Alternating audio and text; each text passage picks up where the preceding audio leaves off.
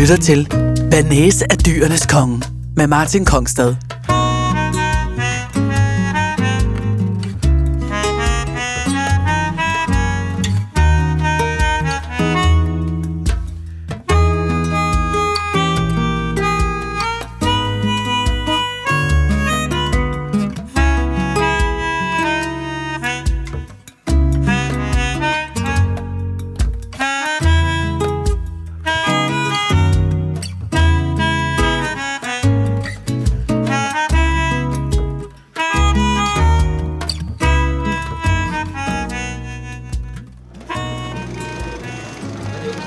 Velkommen til Banæs, her er dyrenes konge. Jeg cykler på strøget. Jeg skal ned for at møde en kok. Måske den kok, som jeg beundrer allermest. For sin evne til at opfinde retter, som ingen andre har set komme. Det er Bobek.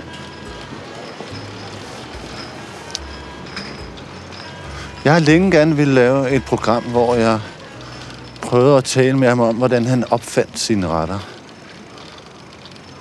Han kan jo det der med at sætte to, tre ting sammen. Så der bliver skabt noget helt nyt. Og hvordan han gør det, vil jeg gerne vide mere om. Det nævnede jeg for ham. Og så sagde han til mig, at han synes, at vi skulle mødes en torsdag aften. Det er nu og tale, og at jeg den aften skulle give ham en råvare, nævne en råvare for ham, som han skulle bygge retten, altså den nye ret omkring. Det har jeg gået og tænkt lidt over, hvilken råvare det kunne være, og jeg har været mange råvarer igennem. Jeg har så også været hans kogebog igennem for at forsøge at ramme en råvare, som han ikke før har arbejdet med. Dealen er så, at vi spiser i aften, taler, han får råvaren, og i morgen tidlig, så mødes vi inde på hans restaurant Geist, inde på Kongens Nytorv. Og så har han udviklet, eller går i gang med at udvikle, retten ud fra den råvare, jeg har bedt ham om at bruge. Og om aftenen, altså i morgen aften, som det ser ud nu, fredag aften, så kommer retten på kortet, uden at være blevet testet først. Så det gør han så ikke i. Det vil sige, at jeg kan sidde med ham i morgen aften og se, hvornår et bord første gang bestiller den ret, som han har udviklet på selve dagen.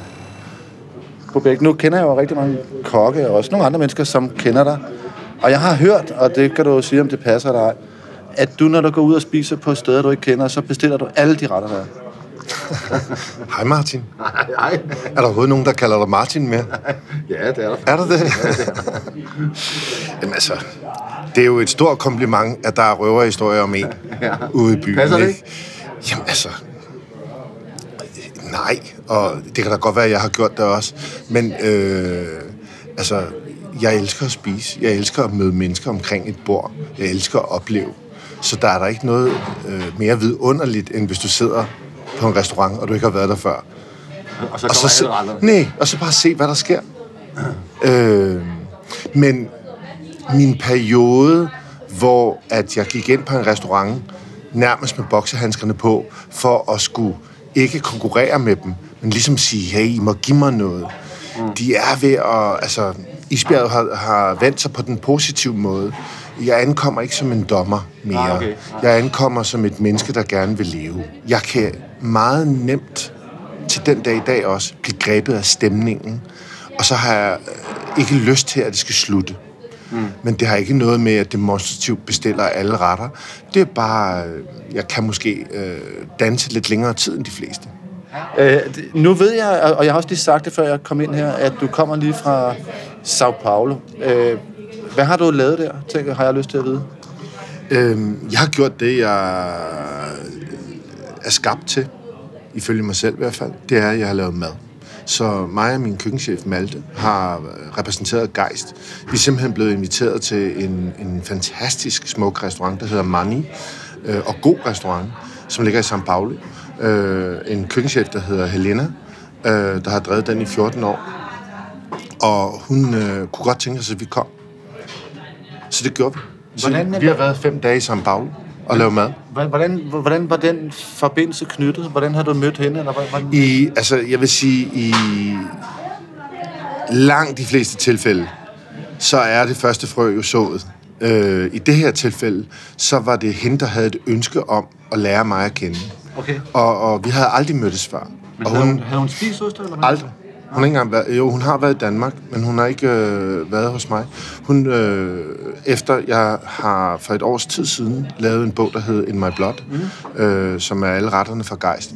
Og den bog havde hun været sig, og så var hun meget fascineret af det, og så spurgte hun, om jeg ikke havde lyst til at komme og lave mad. Okay. Så det gjorde vi. Så øh, i dag er det torsdag, og i mandags, der lavede vi mad til 100 mennesker. Det er ret vildt. Ja, og det er jo en, en smuk måde som, som menneske og som kok og som fagmand, at, at øh, vi kan blive inviteret til et land, og så kommer der nogen og griber en, tager en i hånden og, og tager en med på en tur og viser det bedste, de synes byen den kan. Ja. Og så en sølle lille pris, det er, at vi skal gå ind og prøve at skabe noget energi. Ja. Og det er det, vi gør. I forgår spiste jeg i en favela, som er en af de her øh, bydele, i, i, som man kalder dem i, i Brasilien, hvor at hjemløse bor. Øh, og dem er der rigtig mange af. Og efter vi har fået vores vidunderlige måltid, Som, var, som var hvad? altså måltid, ja. den hed Mokoto-restauranten, og, og øh, vi startede med at få sådan nogle øh, nærmest friterede flæsk, flæskesvær, mini-flæskesteg. Så der var lidt øh, kød på og lidt flæskesvær, og så med en, alle mulige vilde citrusfrugter til. Okay. Altså helt andre ting til, som man squeezede ud over. Og så har de, så har de lavet sådan nogle små terninger af, af tapioca, også kaldet sago-grød, eller gryn, mm. korn Ja. herhjemme, øh, som de havde friteret. Man fik en, en spicy sauce til. Øhm, så fik vi den ret, som hans far, det var hans fars restaurant, han havde overtaget, Rodrigo der, han, øh, han havde så ligesom grund DNA'et, det var en bønnesuppe med akillescenen for køerne. Okay. Ikke? Og det, det lyder selvfølgelig lidt øh, udfordrende. Det smagte, så englerne synger. Men hvad- og vi taler om, at det, vi hvad var dens brød, eller var det- øh, det var sådan øh, gelatinøst, eller hvad hedder Ja, sådan ja. noget. Øh, Okay. Det var... Forestil dig lidt det der Rulle- blæver, der er... Rulle, rullepølseagtigt. Nej, ja, nej. Forestil dig, når du har en flæskesteg, så det spæk, der sidder lige under fedtet, Ah, ja. det er lidt blævret, ja. som er lidt mere konsistens i, men utrolig behagelig. Øh, og så fik vi nogle øh, grøntsagsretter og nogle kødretter, og vi fik selvfølgelig maniok, som er, eller cassava, eller, ja. eller tabi, øh, ikke tapioca, hvad hedder den, mandioca, som den hedder, som er deres øh, type kartoffel. Øh, men det, der var ret fascinerende, som var det, jeg ville fortælle med det, det var, så kommer han ind og sætter tre flasker cachaça foran os, som er, egen sprut, som er deres lokale sprut, som er lavet på sukkerrørsjuice. Og vi går jo, vi er jo turister. Så vi går jo agurk i, ej, det skal vi prøve. Mm. Men det er jo ikke, der er jo ikke tale om, at det er sådan en øh, national restaurant, det her. Det er bare en god restaurant. Bundsk i det. De laver mad til 400 mennesker om dagen. Okay. I Danmark, der får man jo kun snapsen, når man er på en særlig frokostrestaurant. Mm. Og det er egentlig det, der er det toneangivende, øh, når du vælger at gå ud og spise. Vælger du et sted, der er lidt er stolt af deres egen kultur, eller vælger du et sted, der bare følger tendenserne, eller hvad der nu er? Lang historie kort, hvad er det, jeg prøver at sige? Jeg prøver at sige, at, at det er så rigtigt et sted, hvor der er så meget, der er øh, uopdaget, at de er så nysgerrige og kæmper. Og det, de måske kæmper allermest med, det er hele distributionen, som man gør i hele verden. Ja. At hvordan kan du få noget fra A til B? Ah, okay. Øh, men nu begynder det at blive lidt mere dybt og teknisk. Det er et vanvittigt øh, smukt sted at spise. På alle mulige måder. Også fordi de er meget levende. De, de, der er følelserne er uden på tøjet. På mm. den bedst mulige måde. Altså, Øh, skål. ja, skål, ja. Nej, nej. Vi kan jo godt drikke og Nu har jeg jo lige øhm, genopfrisket din kogebog, for jeg har den hjemme. jeg udråbte den sidste år til at være klart den bedste, der var kommet, skal lige sige. Ej, og, og jeg rådede alle lytterne til at øh, købe den, fordi den er sindssygt god, og øh, man kan faktisk lave alle retterne. Stort set. sødt. Der er nogle af dem, der er lidt svære, men det er meget få. Det er faktisk til at lave. Og det er jo meget sjældent, at der kommer en kogebog, som både er avanceret på en måde, fordi den er så godt fundet på, og det er så godt udtænkt, men man kan rent faktisk lave retterne. Hvad er det, der er øh, så godt fundet på? Det synes jeg er øh, din måde at sammensætte øh, tingene på. Altså, der altid er, som du også skriver i bogen, du finder to ting, der passer sammen, og så en ting, der ligesom fucker lidt op, eller som, som er kommer udefra, hvor man tænker, den, den havde jeg ikke set. Og det, det der, det, det der kombi, altså meget enkle, som jo er noget af det sværeste egentlig i virkeligheden, synes jeg, hvad end man laver. Altså, jeg sad faktisk lige og tænkte over det hjemme, og jeg tænkte på, at når for eksempel når B.B. King spiller guitar, så spiller han øh, du, du, du, du, og han kan jo spille alt. Han kan spille, han kan sikkert spille afrik, afrikansk eller sideco eller hvad fanden han har lyst til. Han, han er jo pisse dygtig, han har spillet 80 år. Ikke? Men han vælger de fire toner, men i de fire toner kan man også høre alt det, han ikke spiller. Altså det vil, det vil sige, at man kan høre alt det, han egentlig kan. Han vælger bare kun at spille de her fire toner. Der kunne også være en anden, der kom ind udefra, som var 15 år gammel, som også kunne spille de fire toner. Han havde så bare ikke været helt på den der 60-årige rejse, mm. som, som B.B. King han har været på, før han spiller de fire toner. Og derfor så lyder det federe, når B.B. King spiller, som oftest i hvert fald. Ikke? Og, og, og det er det, jeg, jeg synes, der er nogle af ved de her retter her, det er, at der er en... Øh, der, der, der ligger en historik inden i dem, men de er til at gå til også for den, der er 15 år og skal spille guitar første gang. Og det synes jeg er ret, ret usædvanligt. Jeg synes ikke, jeg har prøvet en, en kobo før, som, havde, som både var så avanceret, som den er, rent, skal man sige, smagsmæssigt, og så så enkelt at lave, og det er ret blæret, synes jeg. Tak. Det er jo, som du selv meget rigtigt siger med B.B. King øh, og alle dygtige håndværkere, at det er jo også i fravalget. Det at ture og være nøgen. Mm. Og med det mener jeg, at der ikke er noget, der kan redde det, mm. hvis man ikke bryder sig om det, der er. Mm. Det er jo der, at der kommer noget altså op på, på vægten. Det er jo der, det bliver heavigt.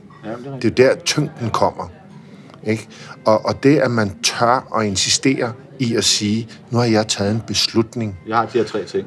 Jeg, jeg, har, jeg har gjort det. Ja, du kan jo også blande 1700 ting, mm. men det giver et udtryk. Men det, at du tør at have en holdning, er langt mere dragende og interessant. Men det skaber også nogle konflikter engang imellem. Det gør det jo. Fordi når du laver det, jeg kalder øh, karuseltallerkener og øh, trygheds... Øh, alt det her, ikke? Det er surt, Øh, sprødt. Øh, Nå ja, og alle de her opbygninger, det. Det du gør, det er, at du dækker dig jo faktisk ind. Så er det her. En rimmet lyssej her. På lidt øh, grillet til rødkål. Vi har en rødkålspuré, palmekål og så den her røde muslingeskum. En abe skuer ud over borgerstuerne på Krogs Fiskerestaurant. Aben er en skulptur, og den har stået på restauranten siden kong Frederik den 9. forærede den til stedet. Han uddelte i alt fire aber til sine yndlingsrestauranter. En anden stod på Store Kro i Fredensborg, og den blev siden solgt på auktion. De to andre har bortetaget. Og hvis nogen derude ved, hvor aberne er, så må de meget gerne skrive det til Bernæs af dyrenes konge på Facebook. Hvorfor nu al den kongelige abesnak? For at eksemplificere, at Krogs er borgerrestaurant nummer et. Ikke bare i København, men i hele landet. At rykke ind i de omgivelser er en udfordring, hvilket understreges af de mange restauratører, som gennem årene har været igennem butikken og forladt stedet med røde tal. Priserne har ofte været næsten komisk forvoksede. Interiøret er et statement i sig selv. Stuk for alle pengene, høje træpaneler, marmorvindueskarme med højkante laber, udsigt til fire spir fra vinduesbordet, svungne stole med sæder i racing green, lysekronerne, som løber ned igennem de store stuer. Det er en styrke, at man sidder midt i et stykke historie, og en fare, for det kan ende som en museal turistfælde, og det har bestemt været tilfældet i overgange. Nu har nye folk taget udfordringen op, og de har også den veldrevne restaurant Maven på Nikolaj Plads, og man har fornuftigt valgt at reformere Krogs. holdt fast i de vigtigste af klassikerne og lettet både priser og smør på store dele af kortet. Man kører stadig sild, tatar og rødspætte til frokost, og en toretters til 275 kroner. Den valgte jeg, og jeg grænskede vinkortet i ventetiden. Hvis man kan lide hvid Bourgogne og har et klækkeligt rådighedsbeløb, så er man kommet til de rette. Og så vidt jeg kunne orientere mig, har man valgt hovedsageligt at hente vinen hos Otto Sunson i Dronningens Tværgade. Her er Le Fleuve og Ramonet for alle de mange penge, og prispolitikken understreges i krogtesten, hvor man bonger ud på øvre hylde med velvoksne 3.000 kroner for en krog Grand Cuvée. I øvrigt den champagne, som vi drak til året, der gik Bernays, og den skuffede mildt, er jeg ked af at sige. Jeg synes ikke, den var de 1.500 kroner værd, som jeg betalte hos netop Sunson. Men det er en anden snak.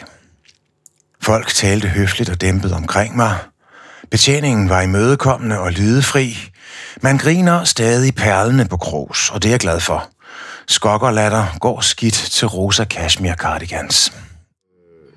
Jeg var i Montreal for et godt stykke tid siden med en, en fantastisk ven med Per nede fra Bohem.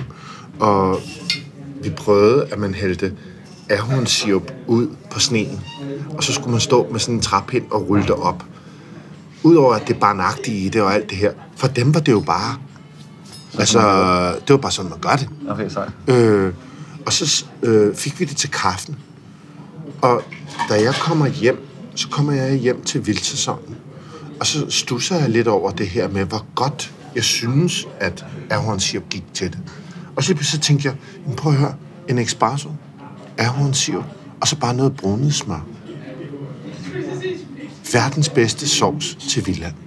Her tager du tre ting, og så kan du smage dem i din mund, i, i det du tænker det, eller hvordan ved du, at det bliver verdens bedste sovs til Villa?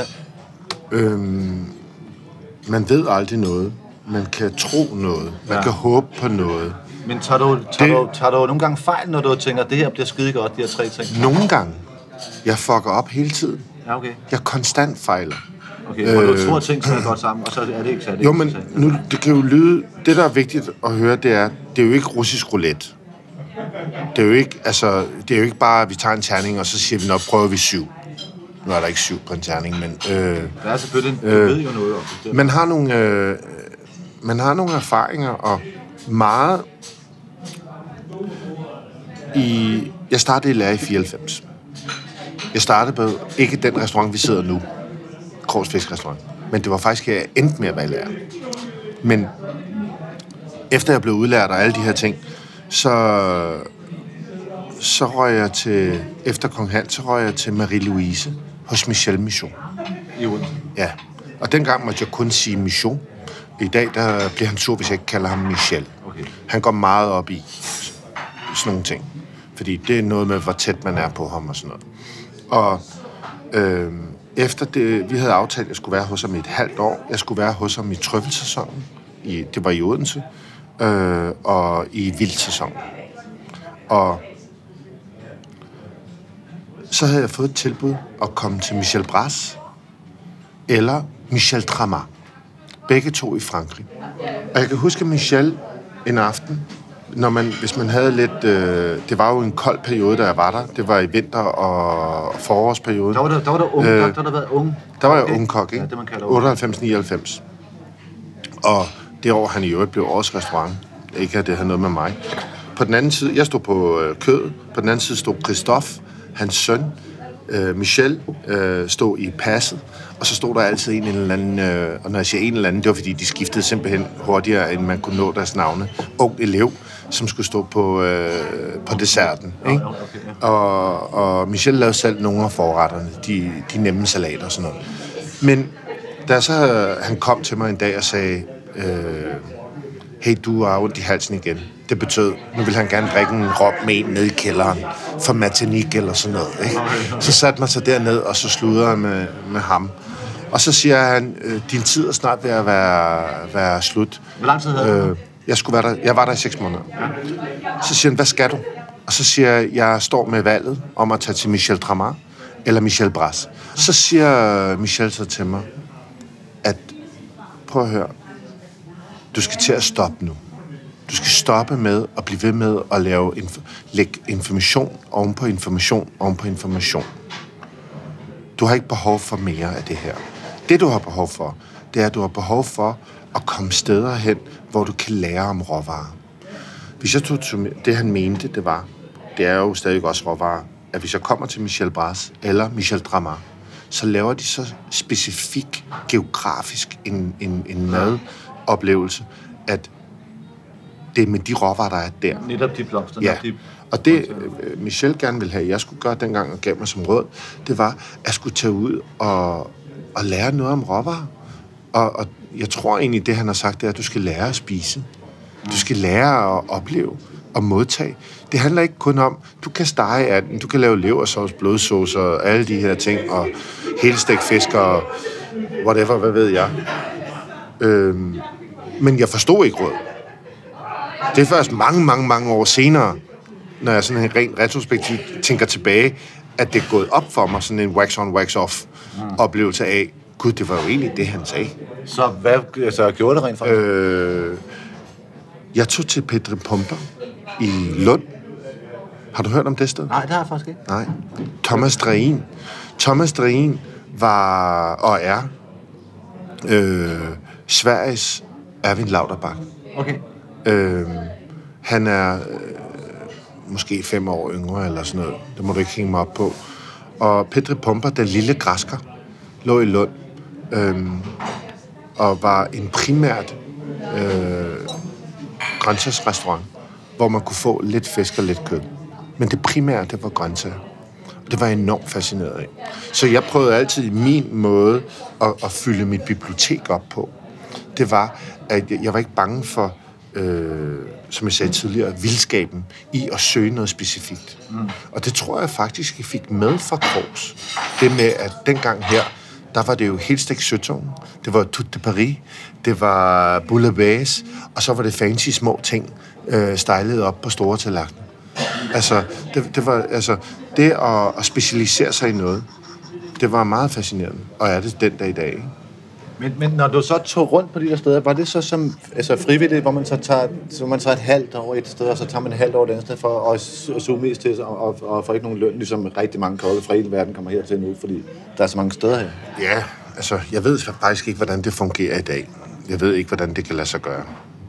Men altså, du... Jeg, jeg, ved, jamen, jeg, jeg er med på, hvad du spørger ja, mig om. Ja. Det er ikke det. Øh, jeg arbejdede et år i England gratis, og jeg arbejdede et år i Paris gratis. Men hvordan fanden kunne det hænge sammen? Det hang sammen på den måde, når jeg siger gratis, det var, at min lærermester betalte min husleje, Okay. men det sted, jeg arbejdede, betalte mig faktisk ikke løn. Første servering var remmet skærising med sorteret spinat, rødbedepuré, hvidløgschips og sauce på røget musling.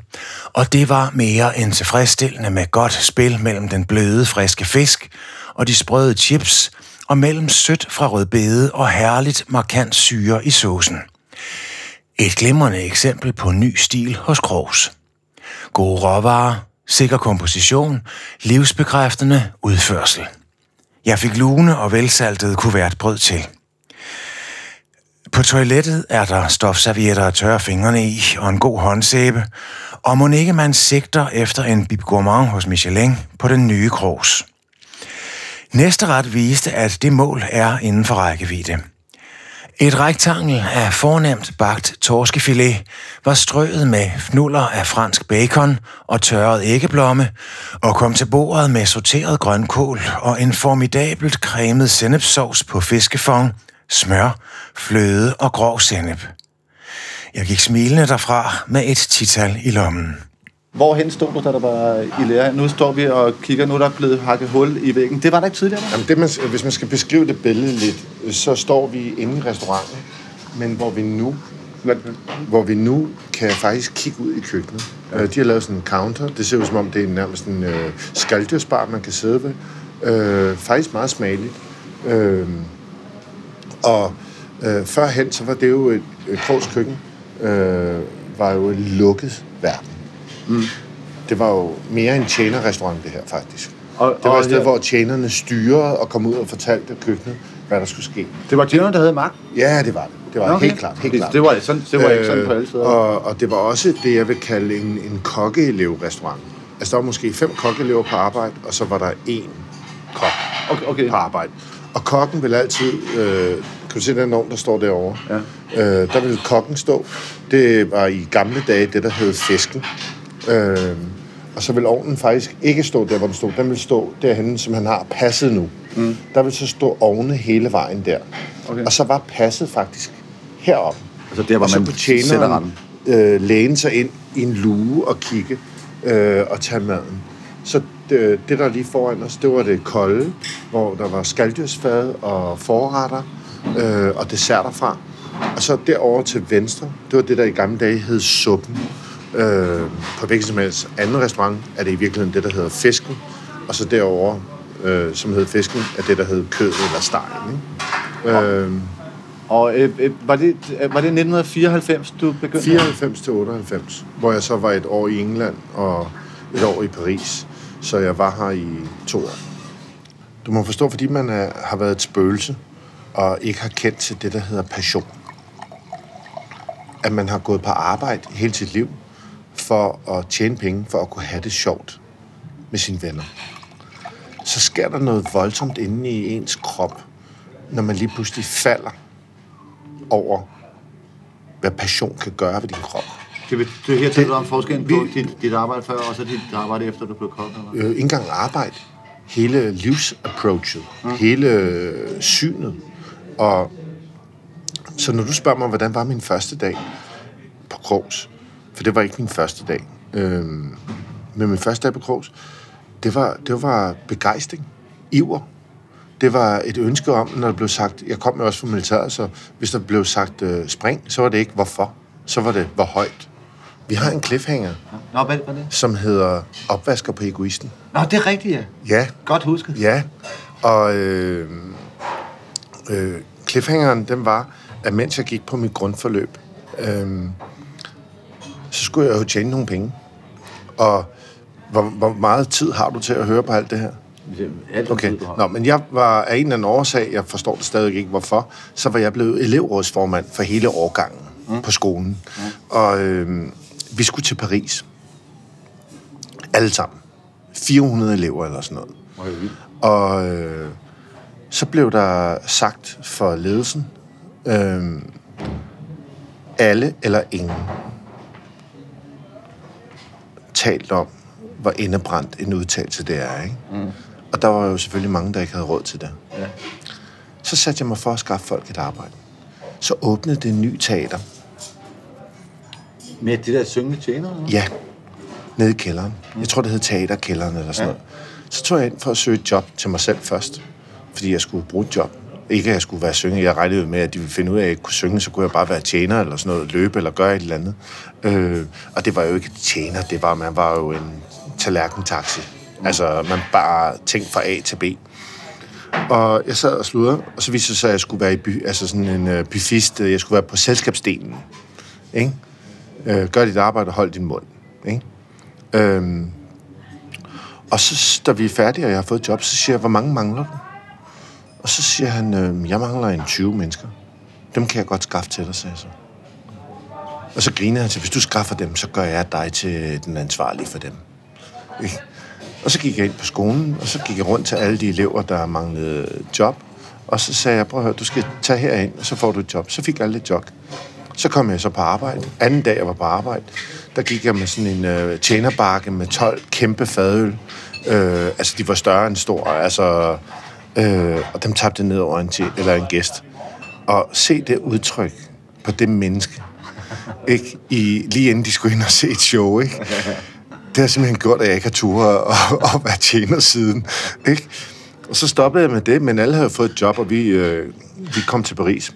Kom alle med så? Ja, alle kom med. Vi kom afsted. Og øh, mens jeg var der, der øh, så mødte jeg en pige, som var i lære på en restaurant, der hed Lac Page. Mm. En grøntsagsrestaurant. Mm. Ikke? Og det eneste, jeg drømte om, det var, at jeg skulle få lov at kysse hende. Fordi hun var dybt fascinerende. Hun havde sådan en lille øh, fransk scooter og ej, at sidde bag på hende og være i Paris, det var, det var vidunderligt, ikke? 94. Jamen, 94. hvordan, men hvordan fanden mødte du hende? Fordi du var kun derovre på, på sådan en kort tur. eller Ja, men var det en- held, tilfælde, På en eller anden bar, eller hvad? Ja, fuldstændig. Hej, hej, ikke? ja. Ja, der var jo ikke noget, der hed sociale medier eller noget. Nej, nej. Men det var jo på et tidspunkt, hvor hvis man, nogen hørte, man snakkede sprog, øh, som var ens eget, så søgte man jo tryghed i det. Nå ja. Fordi man var hjemmefra. Det vidste jeg jo intet om. Nå, Fordi så jeg ikke havde... det, var en, det var en dansk pige, der var Ja, i lære? ja, Ah, ja, fish, ja. Okay. Øhm, og hun fortalte mig om det her, den her verden, og jeg vidste jo ikke noget. Jeg anede jo ikke... Når jeg siger lagt page nu, så ved du jo også, det kan jeg jo se på dig, hvad det er. Ja. For mig, hun kunne jo lige så godt have sagt... Ja, ja. Det var, jeg anede jo ikke, hvad det var. Øhm, og så kom jeg hjem, og jeg glemmer faktisk lige en vigtig detalje i den her historie. Den skal vi have med. Inden jeg skaffer det her job på teaterkælderen, på den nye teater, Til de 20. der har jeg så skrevet et brev til 100 restauranter her i København, hvor at, øh, jeg har fortalt om, at der fandtes jo x antal elever herinde på skolen, der søgte en læreplads. Om det kunne være en idé at få dem ud på prøve en dag. Og så kunne de jo give dem et tilskud Nå, for deres mm. tilstedeværelse. så de havde lidt til rejse. Så blev jeg smidt ud af skolen. Nå, Fordi jeg jo op til sort arbejde. Øh, og for satan. Det var sgu hårdt. det gjorde jeg. Blev du smidt ud, Jeg simpelthen? blev udsmidt. Så gik alle eleverne, eller ikke eleverne, alle lærerne gik så sammen. Nu skal jeg nok være med at nævne hans navn, men han står ikke stærkt i mit øh, sind, den skoleinspektør. Nå, lad os få det praktiske over udstået. Lad os høre. Pocheret torsk med puré af æble og løg på toppen, vintræs, røget bacon, og så er det reven øh, blomme, æggeblomme på toppen, ja. og persille crisp. Pomfondant, som er sprødstegt en grov sennepsauce og senap, og lidt sauté af grønkål. Mm. Vinen, I får til, er en PFC, lavet på gamle vinstokke, Vivigne 2018. Tak skal du have. Så sker der det, at øh, alle lærerne rotter sig sammen. Og så bliver jeg, kommer jeg ind igen, og så får jeg den glæde... øh, Far, den bliver faret ind under gulvtæppet, som der blev sagt en gang. Vildt nok. Ikke? Så blev jeg taget ved noget, og jeg åd nogle af mine øh, holdninger. Og så viser det sig, at årsagen til, at jeg var blevet smidt ud, det var, at der var en restauratør, der havde gjort opmærksom på de her brev. Nå. Og det viste sig så, at det var ejeren af egoisten, hvor jeg sjovt nok så søgte et job som opvasker. Nå, okay. For han kunne sgu godt lide mig alligevel. Jeg havde, Okay. Så jeg fik det job. Og en af jobbene var i løbet af dagen, efter når man kom fra skolen. Det var et fantastisk sted. Fantastisk mand. Fantastisk sted. Willy Andersen. Øh, det Det var, var, man sådan et, det var et eksklusivt sted, men for fine, smørbrødsted om dagen, og... og fine fransk køkken om aftenen. Ja, Okay. ja. Stegt tartar med pomfrit. Var det ikke bare businessmænd fra området? Øh, det ved jeg slet ikke noget om. Nej, okay. Det havde jeg slet ikke forstand på. Jeg vidste slet ikke, hvad man skulle kigge på sådan nogle mennesker på. Nej, nej. Øhm, en af tingene var, at man skulle også gøre rent på hans kontor. Nede i kælderen. Og han havde sådan nogle sofaer og bogreoler. og det. Og nederst, så var der en lang række af nogle røde bøger. Samme størrelse alt sammen. Stod der bare årstal. Og der stod Guide Michelin på. Og så kiggede jeg på dem her. Så gik jeg op og spurgte øh, køkkenchefen, som ikke var villig. Han var jo ejeren. Øh, og så blev jeg jo så, som man blev dengang, ydmyget på det groveste. Mm. Øh, og stolpe op og stolpe ned, hvor dumt man kunne være, fordi man ikke vidste det. Og så det skønne er jo alligevel, at på et eller andet tidspunkt, når man har overstået ydmygelsen, så begynder de alligevel at fortælle en, hvad det er, man spurgte om. Ikke? Ja. Øh, og så fik jeg så at vide, hvordan hele Guide Michelin var bygget op. Og hvordan hele den her guide, den fungerede. Og så gik jeg hen til Willy, og så sagde jeg, så havde jeg fundet en restaurant, der hed Luca Carton, mm. der havde tre stjerner og fem sæt rød bestik. Ikke sort bestik, rød bestik. Det var særlig eksklusivt. Nå, vi glemmer den her historie. Øh, mens jeg så går der, så søger jeg læreplads på Kong Hans, hvilket jeg får. Og så bliver det under den læste tid. Og så, der, så jeg arbejder der en til to gange om ugen i de her fire måneder, der er tilbage af min øh, grundforløb. Øh, fredag og lørdag i min fritid, ikke? Og jeg skulle så på Fadsled Kro om sommeren, hvor Kong Hans gik knap så godt. Men det er alligevel nogle ret gode steder, du, du, du, du må have, du må have Ja, kunnet noget. jeg, jeg vidste godt, at jeg skulle... Øh, altså, at det ikke bare var... Det var de, Ja, fordi, det var de, det var de jamen, bedste fordi, steder, der var. fordi det, jeg ikke har fortalt dig, det var, at nu er jeg jo 24. Som erhvervspraktikant, der var jeg på Copenhagen Corner. Ah, ja. Som lå på Rådhuspladsen. Ja, Ligger den der stadig? nej, Nej, det, gør var den ikke det der sted, der Ja, det gør er det. Ja, det, alt er væk. Ja. Og jeg troede, jeg skulle være kok. Fordi jeg startede jo med at blive interesseret i mad. Bortset fra alt det traditionelle med, at jeg sidder ved bordet, og min mor og far har stået og lavet mad, og har haft en fantastisk øh, øh, opvækst, hvad det angår. Og tak for det, mor og far. Så var jeg enormt nysgerrig. Så opdagede jeg det, fordi nytårsaften, så kunne man jo stege sådan en trikot. Og så ovenbage nogle bølgefrit. Så kunne man lave pulverknop øh, ikke? Mm. Øh, og, og, og pigerne kiggede på en, som om man var en øh, gud. ikke? Og fyrene kiggede, folk, der var flottere og smukkere og større, og kunne løbe hurtigere, eller kaste et spyd længere, eller stave bedre, kiggede på en, som om, at man var en særlig altså, støbning. Ikke? Men så røg jeg på Copenhagen Corner, og det var så frygteligt. Det var så frygteligt, at de drak ude i køkkenet, og det var alt det, som en Det var kokkefag- afvikling, var det, var det ikke meget afvikling? Ja, men det var alt det, et kokkefag måske ikke skal være. Ja. Og så kan jeg huske, at jeg, jeg ikke googlede, fordi det kunne man ikke dengang. Øh, men jeg slog det op, at øh, det fag med den højeste dødelighed dengang, mm. det var det at være en kok. Og så sagde jeg, at jeg skal aldrig være kok. Så skete der det. Nu hopper vi lidt frem og tilbage, og, Ja, ja. men du kan godt følge med. Ikke? Jamen, jeg har en, som Ja. jeg... Som jeg Og så røg jeg, i, vil øh, efter min øh, øh, aftjente værnepligt i Livgarden, så, så stod der en mand med et overskæg. Fordi han var bare en mand med et overskæg, men han hed B.S. Christiansen dengang. Øh, fra jægerkorpset og fortalte om øh, United Nations, altså UN.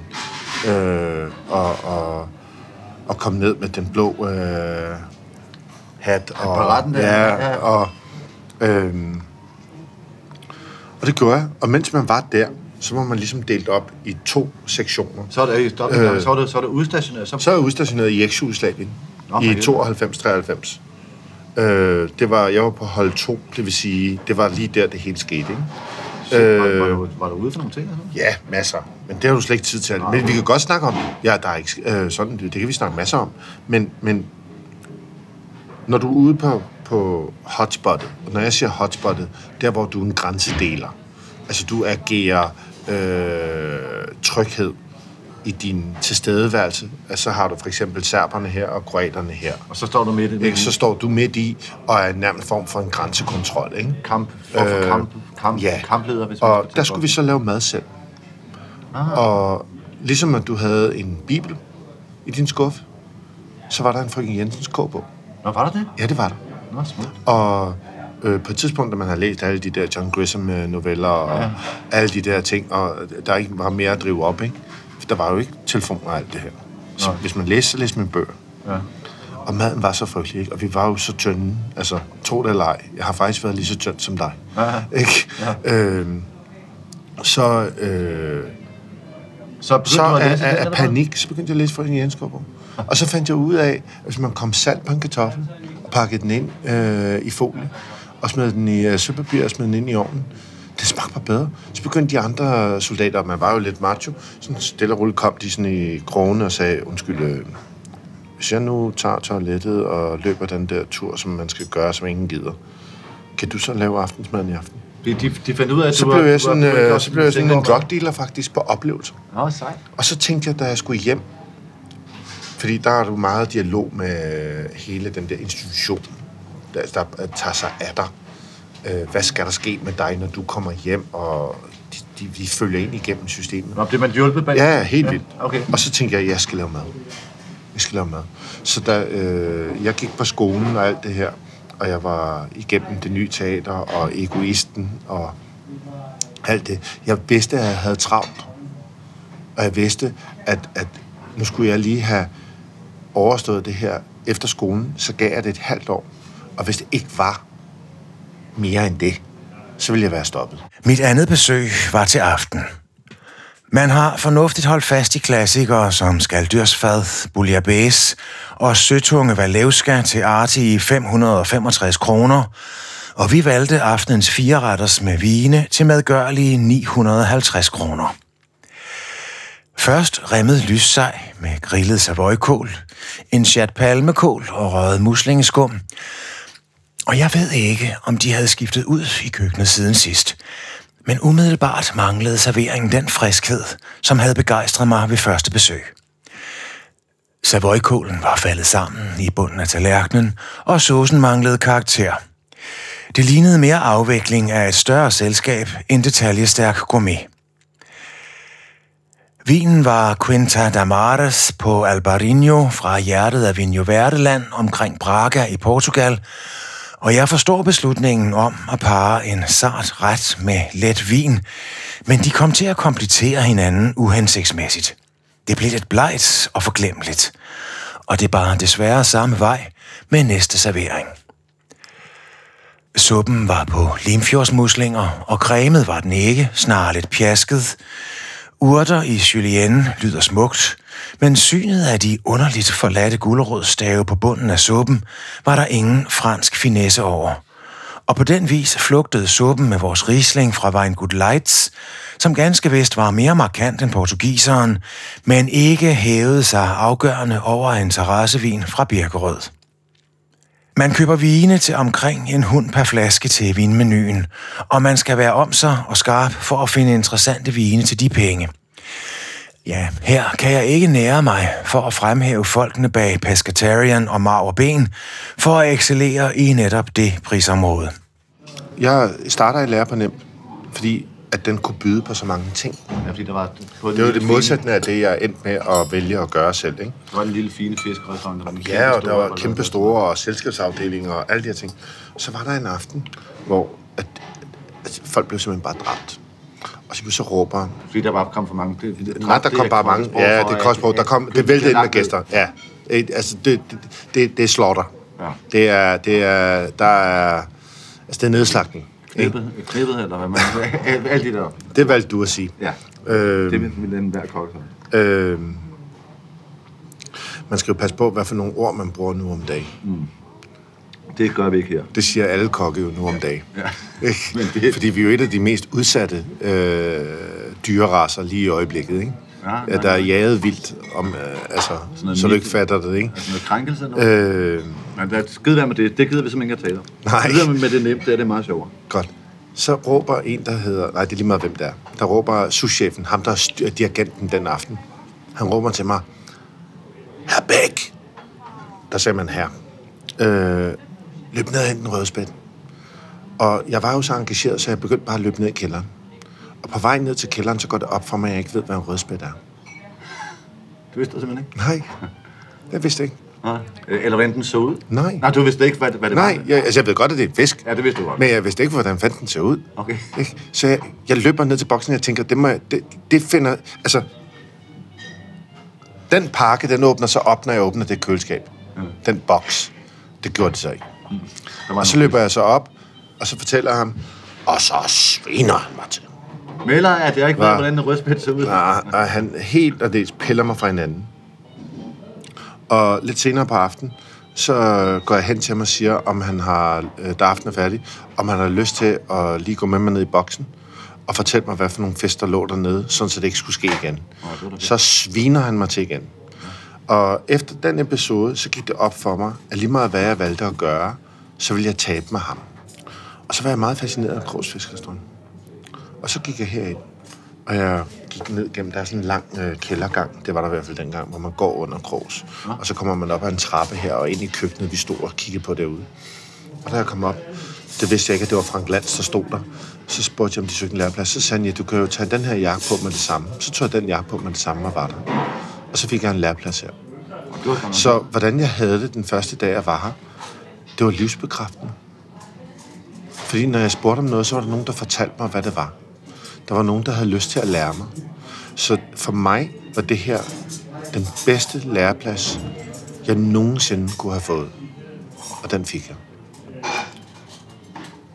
Og så har jeg bare lige... Ja. Så skete der det, Okay. at efter jeg sad inde i det rum, der er her til venstre for, for dig af, Ja. og havde fortalt Frank, om jeg kunne være en kok eller ej, så skete der det, at han sagde nej. Så nu speeder vi lige lidt op, ikke? Øh, så ender jeg med at få en læreplads, eller ikke en læreplads, et ophold på Gavroche i London. Og så bagefter så ryger jeg hos Marco Pierre White. Jeg har meget svært ved, at, jeg ved ikke hvorfor, men jeg har svært ved at se dig og Marco Pierre White sammen i et øh, øh, køkken. Hvordan var det at arbejde hos ham? Mødte du ham overhovedet? Var han der? Ja, ja, han var der hver dag. Ja, hvordan var det? Hvorfor har du svært ved det? Fordi at I begge, at I begge to fylder meget, tænker jeg. Jo, men du skal jo huske på en ting. Du sidder og ser på en moden bog i dag. Ja, det er når du har jo ung den der. Jeg var jo en øh, undulat, altså jeg var en fugl. Ja, og, Jeg var jo øh, et skrøbeligt væsen. Ja. Jeg havde jo ikke, øh, jeg var jo ikke klædt på. Ikke betyder, at jeg i dag er et monster. Nej. Men, men jeg havde jo ikke noget stilas. Jeg havde ikke noget viden. Jeg havde ikke noget selvtillid. Jeg var jo en svamp, der kom for at suge. Ja. Men så, så må jeg hellere spørge, hvordan var det at arbejde hos ham, og hvor arbejdede du hos ham? For han havde flere steder på det tidspunkt. Men hvis du ved, hvor han har haft... Så... Nej, jeg skal ikke drille dig. Du, vi, vi, har slet ikke, vi har slet ikke tid til det. Vi, han vi arbejdede behøver, blandt andet Kvo øh, Vadis inde i, i Ja. Soho, hvor jeg, hvor jeg men vi behøver ikke tage. Jeg kan fortælle dig, hvordan det foregik. Ja. Jeg kommer... Øh, jeg er på Krogs. Jeg får et brev fra øh, personalchefen for Gavroche, som er en legendarisk øh, fransk restaurant i London, mm. på Upper Brook Street, som er drevet af to brødre. Øh, Albert og Michel Roux. Øh, Michel har så Waterside Inn, som ligger lidt uden for øh, byen, og Albert, han styrer den her. Han har så en søn, Albert, der hedder Michel, ligesom hans bror, som så er den ansvarlige køkkenchef og driver den, fordi Albert er lidt oppe i øh, årene og er blevet en sølvrev. Og jeg får et brev fra ham og personalchefen, at de meget gerne vil tale med mig. Øh, så jeg går en dag, da jeg er på på Krogs, så tager jeg mine mønter og går ud til en tel- mønttelefon, fordi man kunne ikke ringe fra telefonen her til udlandet. Og så ringer jeg dem op på det præcise tidspunkt, jeg får at vide i et brev, hvornår jeg skal ringe. Og så taler jeg med dem. Og så siger de, at de vil gerne øh, ansætte mig. Altså, det er jo meget sjovt. Det er jo nemt at sige, øh, de får, jeg skal jo ikke betale mig noget. Nej, nej, nej. Men øh, jeg kommer så over, og jeg bliver taget imod personalchefen, og jeg bliver, det er den eneste gang, jeg ser restauranten i al den tid, jeg er der. Interviewet inde i restauranten. Og øh, hun har nogle assistenter med sig, og alt foregår på engelsk, og jeg er jo øh, ved at gå ud af min gode krop. Og da det hele er færdigt, og alle assistenterne er gået, så siger hun på dansk, du skal vide en ting, jeg har næsten sat mit job på spil her. Jeg er bosiddende i, i øh, England i over 20 år og arbejder her, men jeg har fortalt dem, at selvom en Krogs ikke har alle de stjerner, som den burde have, så ville den have haft det, hvis den lå i England. Mm. Så der er sket noget meget exceptionelt. Jeg har simpelthen sagt god for dig. Øh, fordi min CV var ikke i orden. Jeg havde jo ikke nogen CV. Mm. Øh, og der var jeg et halvt år, og hørte jo om vulkanen Marco Pierre White. Ja, for han var Ikke? han ligesom styrede byen på det tidspunkt, gjorde han ikke? Jeg vil ikke engang sige styret, jeg vil sige domineret. Ja. Jeg vil sige, at siden af Marco, det vidste jeg ikke dengang, at han åbnede lidt udenfor i Wainsworth. Øh, der åbnede han Harvey's, som var hans øh, første restaurant. Øh, men da jeg hørte om ham, det skete faktisk sådan, at jeg var på en søndag, tog jeg til Book for Cooks, som var en legendarisk boghandel dengang. Notting Hill. Øh, og den måde, jeg altid gi- gik i boghandleren, når det var, at alle bøger var interessante, og man ikke ligesom kunne scanne, mm. så ville jeg hive alle bøgerne ned, og så ville jeg lave nogle stakke. Og det, der var meget særligt ved Books for Cooks dengang, og det er det i øvrigt stadigvæk, jeg har bare ikke været der i en evighed, det var, at der var sådan en lille patisserieafdeling, mm. hvor så det duftede af kager, og man kunne få en kaffe, og mm. at det var hyggeligt. Det var sådan lidt Sex and the City cute, Ja. på en eller anden måde, før at der var noget, der hed Sex and the City. Mm. Og det, giver det mening, hvad jeg siger? Mm. Øhm, så, så der var borde og stole inde i, i boghandlen. Så man lavede, jeg lavede sådan en bord, hvor jeg fyldte det op. Og der var to bøger, der væltede mig omkuld.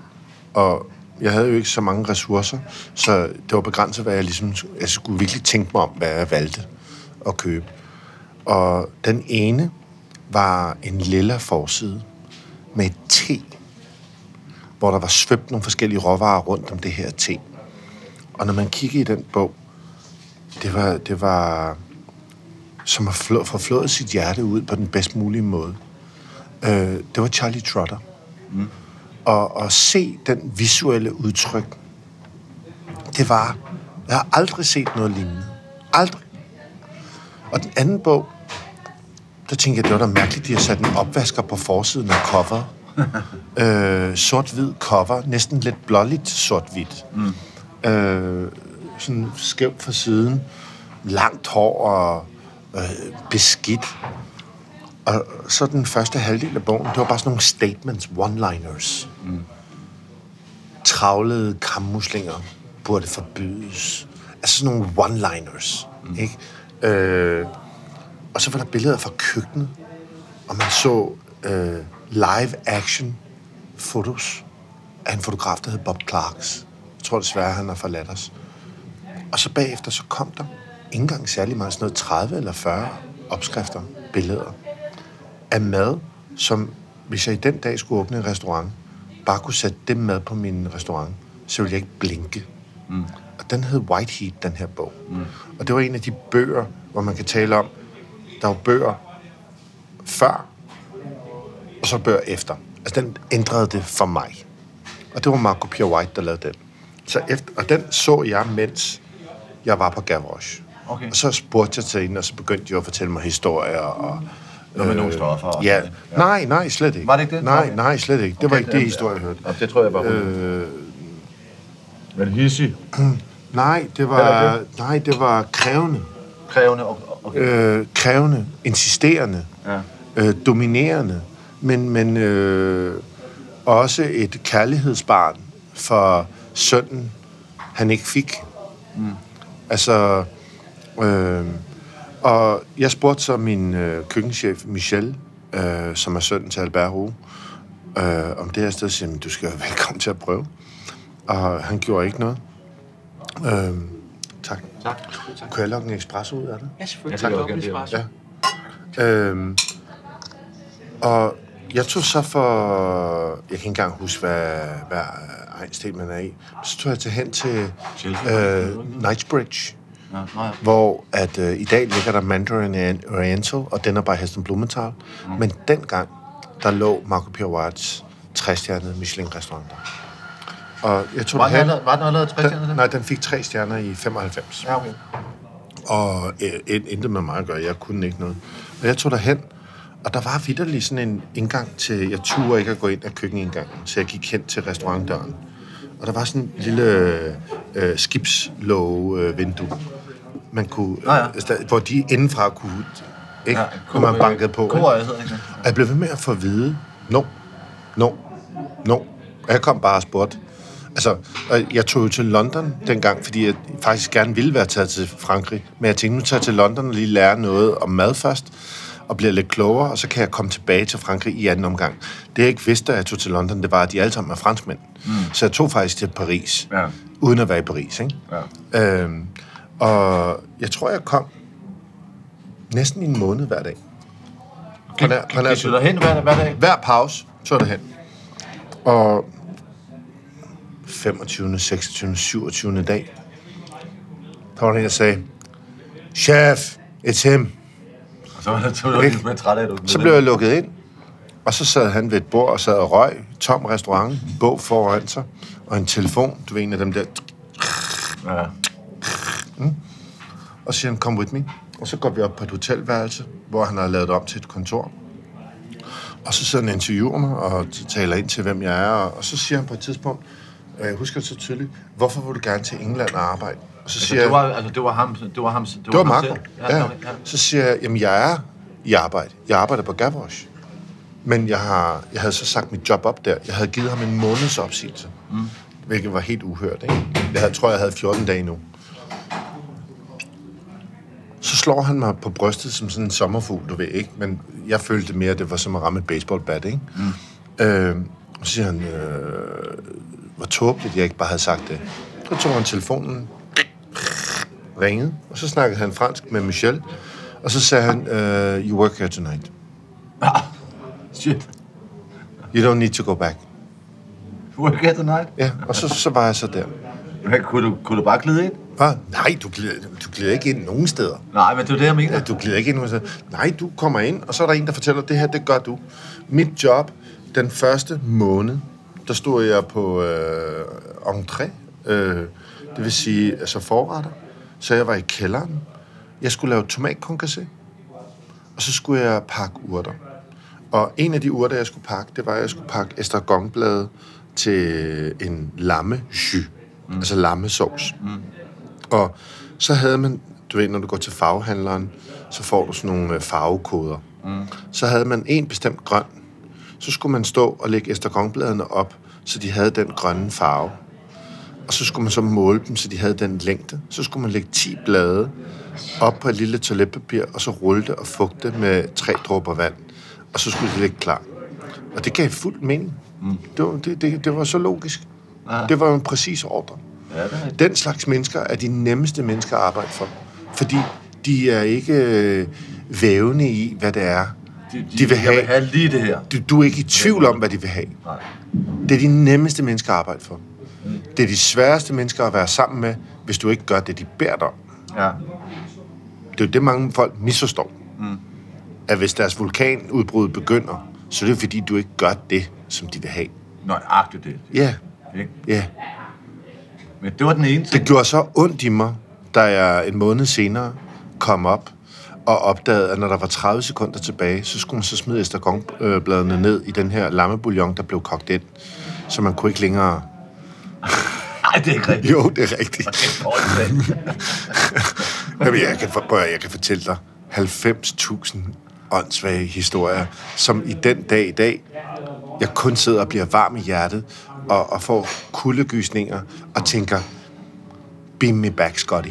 Men, men, men prøv en gang. Var, var han der, så stod han der selv, når I, øh, Fuldstændig. under, har under aldrig- bongrykket? Jeg har aldrig ikke været der, hvor han ikke har været der. Altså, han arbejdede simpelthen. Han, Han- Det var, han, Han sprang det, ikke over gader. Prøv at høre.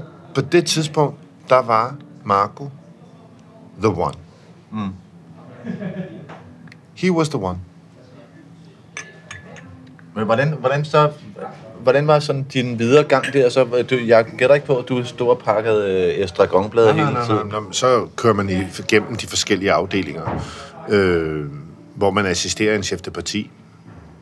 Og så er det det. Og så er din periode overstået, så er du... undskyld. Så er du udmattet. Du er dehydreret. Du er... Du er simpelthen kørt over inden. Og så tog jeg hjem. Og så skulle jeg så tilbage til Krogs. Jeg kunne godt tænke mig at, at prøve at få rundet den her første del af. Øh, og det skal jo så være med, øh, med at komme med en eller anden råvare. Skal vi lige mig? op, Hva? Ja, hvordan det var? Vil du gøre det, eller skal jeg gøre det? Jeg har allerede faktisk gjort det. Jeg har, jeg er gået forud, og, og dealen var, som jeg forstår det, at jeg skulle finde på en råvare, som du skulle, så skulle bruge til at lade indgå som en... Da du sad og interviewede den svenske journalist på, på Geist til en frokost. du ville, du ville tage over det. Er det godt? Nej, hvorfor vidste du det? Ja, vi, nu har vi jo set det sammen? Kom bare. Kom videre. Ja, ja, nu er du, du har taget det. Og vi røg i snak for første gang nogensinde. Ja. Øhm, så var du fascineret af de her øh, søjlerne i den mad, som der bliver lavet inde på Geist. Mm. Og hvordan der bliver tænkt over tingene. Ja. Og øh, den proces vil du gerne følge. Ja. Så foreslog jeg dig, hvorfor du ikke kom med en råvare. Ja. Så ville du så bare øh, give mig en råvare, og så kunne jeg have øvet mig fra nu af og 700 år. Og så sagde jeg, hvorfor gør vi det ikke lidt mere autentisk? Mm. Øh, hvorfor gør vi ikke det, at øh, vi mødes dagen før? Mm. Og det ringede jeg til dig for en uge siden og fortalte. Hvorfor øh, fortæller du mig ikke til en middag dagen før? Øh, så kan vi lige øh, mødes, Og spise noget. mad, og, og så øh, giver du mig en råvare, og så prøver jeg at se, om jeg kan skaffe den hjem til dagen efter, og så prøver vi at lave en ret, mm. baseret på det. Ja. Fordi det, der var argumentet med det, det er jo ikke, øh, det er jo ikke, øh, det er jo ikke sådan et bungee jump, det er ikke en maraton, det er ikke sådan en identitetskrisetest, vi er i gang i. Det, vi er i gang i, det er, at vi skal prøve at afdække, hvad er det, der i virkeligheden sker mm. i den her proces, Nemlig. fra at noget bliver søsat, mm. til at noget kommer. Og det, jeg kan jo ikke bare sige til dig, hey, den her råvare, og så går vi i gang. Fordi så er jeg jo i gang. Mm. Så jeg kan godt lide elementet af, at det er lidt farligt. mit allerførste bud, der var faktisk noget så kedeligt, eller så konventionelt som øh, bristkylling. Fordi jeg tænkte, at Altså jeg... kylling. Kylling. Ja. Ja, kylling egentlig, ikke også? Og så kigger jeg ligesom igennem, og så, så tænker jeg, ah, det er også lidt, ah, jo, ah. Så den gik jeg lidt væk fra igen. Hvorfor var den interessant? Det er fordi, at jeg elsker, jeg elsker øh, altså kylling. Ja. Så, man, så enkelt er det. Ja. Så, enkelt er det. så jeg kunne godt tænke mig at se dig lave kylling, men nu ved jeg, at du allerede gør det. Ja. Ikke? Og så, så tænker jeg, Jeg har faktisk også kyllingvinger på kortet. lige ja, det har du nemlig sammen med Ja. øh, kam, kamhusling, ikke? Ja, præcis. Derfor tænker jeg, det, det, det, det, det nytter ikke noget. Må jeg ikke min dobbelt espresso Jo, med? Tak. Vil du have en? Nej, nej, tak. så var mit næste bud på en, en yndlingsråvare, var, og som jeg ikke synes, jeg kunne se, at du har arbejdet med. Det har du helt sikkert, men ikke på kortet. Karl Johan Svamp. Jamen, det er ikke sæson. Den- er der faktisk. Den, den, det er mærkeligt nok. Den er der i torvhallerne, og så tænker jeg, øh, jeg, bruger den, jeg arbejder selv meget med den. Jeg laver selv rigtig mange retter med den, men jeg bruger tørret. Ja.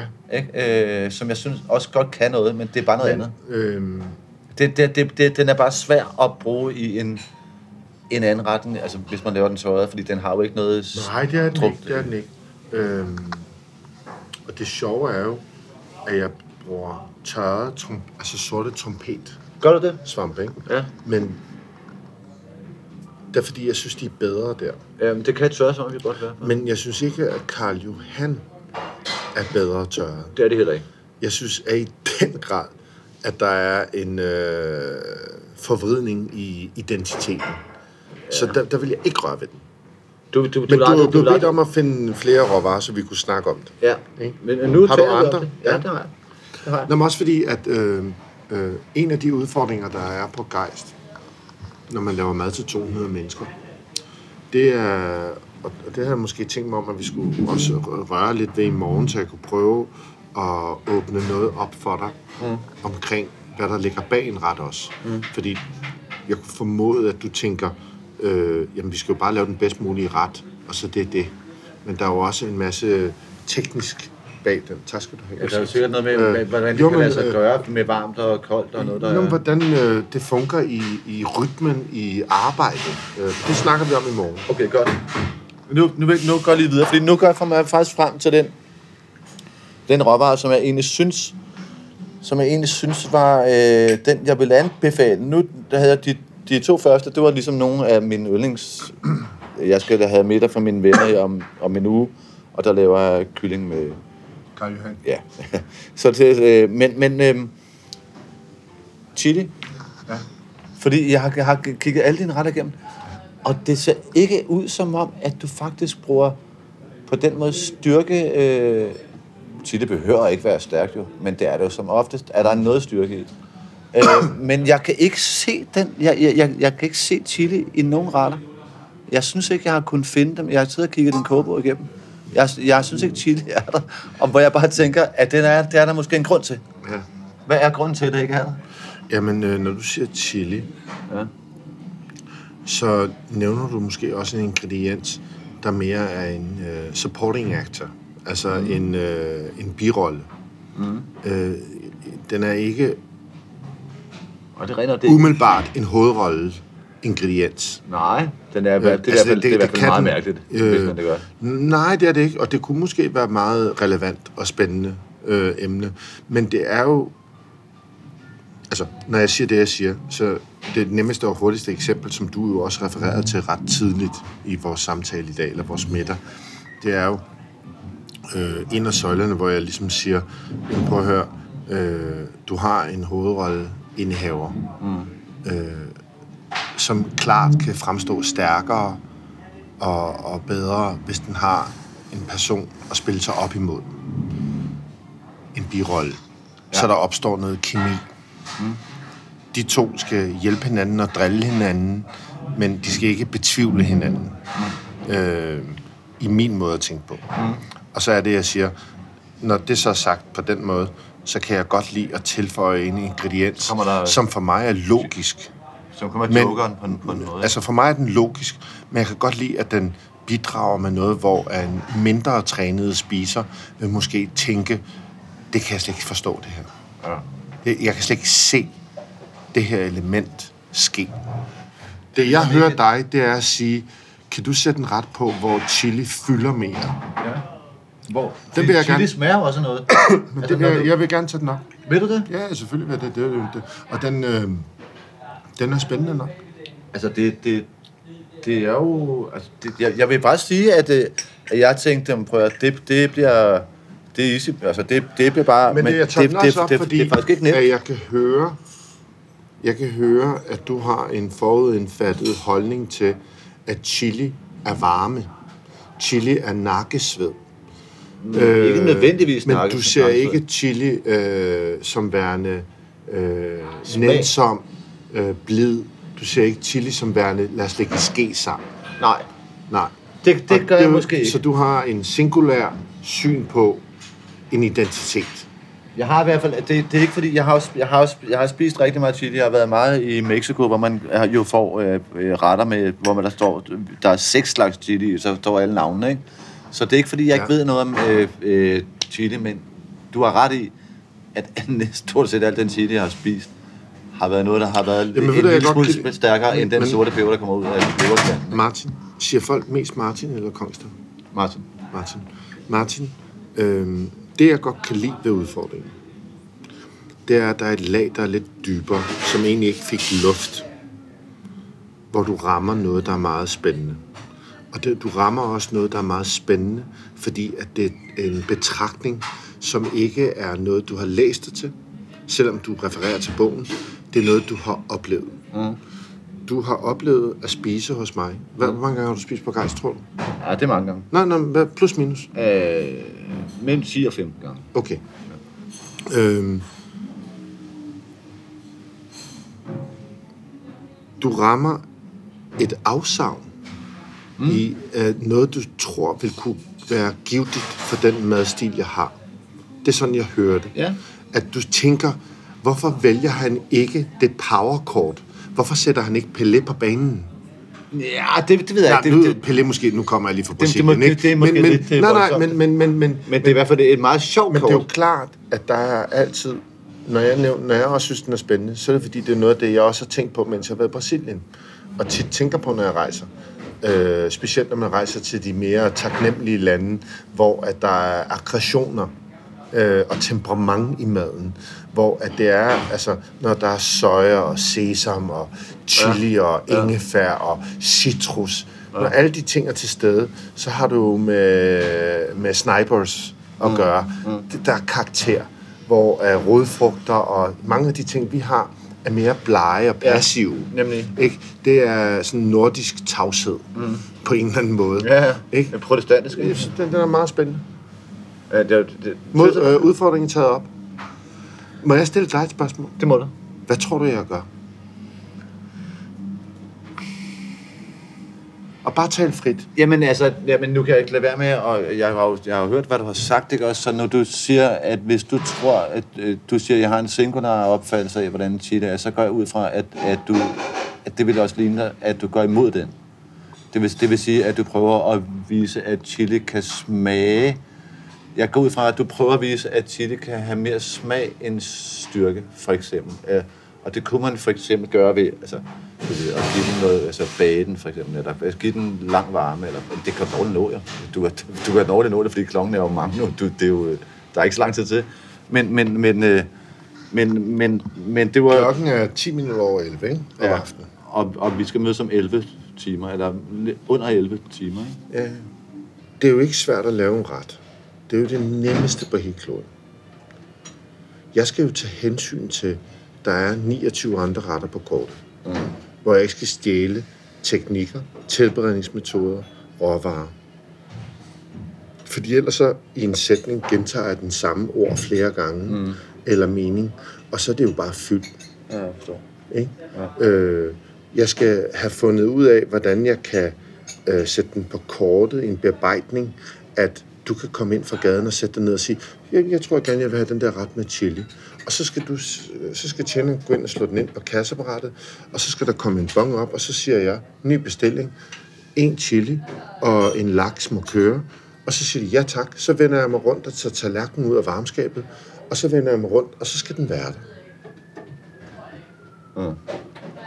Så bag hele grundtanken om, at du skal lave en ret, der har saft og kraft og nerve og nærvær, så er der også alt det tekniske omkring mm. øh, rytmen. Det må ikke være en flaskehals. Det må ikke tage for lang tid at lave. Fordi hvis du er på en Og det restaurant... må ikke være en råvarer, der er for bøvlet, så man ikke kan få den hele året, for eksempel. Altså, det, Nå, men så er det jo en sæsonorienteret men der, ting. der, der, ikke? er mange af dine retter, som der har jeg i hvert fald set. Der er ja. dine klassiske retter, dem kan man få hele året. Ikke? Altså, Ja, men jeg vælger ikke... Øh, øh, Det- det er jeg, vælger ikke, øh, jeg vælger ikke råvarer, som har en levetid på to uger. Nej. Og hvis jeg vælger råvarer, der har en levetid på to og tre uger, så er det øh, ingredienser, der ikke får øh, nævnt deres identitet Ja, så er de bare i med, når- kortet. når- når de de er er bare med i retten, mm. men de får ikke, øh, de får ikke, øh, de er ikke med under rulleteksten. Mm. Den opstår. Mm. Ikke? Øh, altså, det bliver sjovt. Det bliver sjovt. Men øh, rent teknisk, så går jeg hjem, så pakker jeg ud, så tager jeg lige et bad. Øh, jeg er glad for, at du ikke har sagt, at du synes, at jeg stinker eller noget. Jeg har ikke noget. Øh, øh, og så skal jeg huske at tænde for min øh, radiator, så jeg får varme i min lejlighed. Og så går jeg i seng, tror jeg. Og så vågner jeg op i morgen øh, klokken 8, og så går jeg til træning klokken halv ni øh, hos Jasmin op i øh, Vester Bronx. Og så smadrer hun mig igennem. Hun må bestemme, hvad hun gør. Og så, det er en, en gave, fordi jeg afleverer min krop, og så siger hun, om jeg skal hoppe, eller løfte, eller springe. Og så gør jeg det i en time. Og så øh, skynder jeg mig hjem og tager et bad. Og så tager jeg ned til Geist til morgenmøde, som vi har hver dag kl. 10. Så sidder alle de kokke øh, og kokkeelever der på arbejde. Så spiser vi morgenmad sammen. Og, så, og så er jeg også der. Og der er du, og så præsenterer jeg dig, og så holder du bare din kæft. Det gør jeg, det gør øh, og så er du bare med. Og hvis du har et presserende spørgsmål, så spørger du bare. Øh, men du, er, du må gøre lige, hvad du vil. Øh, og, og det kan være, at vi bare er stille. Jeg, jeg, jeg piner den måske og lader den lige hænge lidt. Bare fordi jeg godt kan lide det psykologiske spil i det. Og så øh, popper vi hul på den. Øh, og så går vi ned og kigger på det, hvad der er kommet. Og så kan du se, hvad det er, at øh, når man ringer til Grønland og siger, at vi skal have en kasse af hvad er det, der er, hvad jeg kan få Ja, ja. til i morgen. Sjovt. Øhm, og så må, vi jo, så må vi jo tage den derfra. Fedt. Altså, hvad fanden der skal ske. Ja, ja, fedt. Tak, jeg, jeg, altså, jeg glæder mig rigtig meget til, til morgen. Tak, tak for... Og så giver vi hånd, kan jeg se. ja, ja, det gør vi. Fordi jeg tænkte, det ville være mærkeligt andet. Tredje ret løftede niveauet, og det var torsk igen. Pocheret med puré af æble og løg, og der strøget med ventrachet og tørret æggeblomme. Pomme fondant blev benævnt sprødstegt, og det kunne den ikke helt indfri. Sennepsovsen var glimrende igen. Poilifusé 2018 på gamle stokke fra Pascal Rollet øh, gjorde det, den skulle med sin fedme og sin syre, og fremstod som aftenens eneste vin på niveau. Desserten var en cremet omgang med kirsebær, hvid chokolade og chokois, og smagte som behjertet og kvalificeret homecooking. Aftenmenuen var et stykke fra den overbevisende frokost, og jeg kunne ikke undslippe fornemmelsen af at være bespist til en rund fødselsdag. Der er ikke andet for end at dividere og lægge sammen. Skæreising 10, frokost torsk 10, lyssej 7, muslingesuppe 7, aftentorsk 9, dessert 8. Det lander på 8,5. Og jeg vælger at runde ned på grund af den kedsommelige vinmenu, og anbefaler samtidig, at man tager en frokost i de fornemme lokaler. Krogs Fiskerestaurant på Gammel Strand får karakteren 8.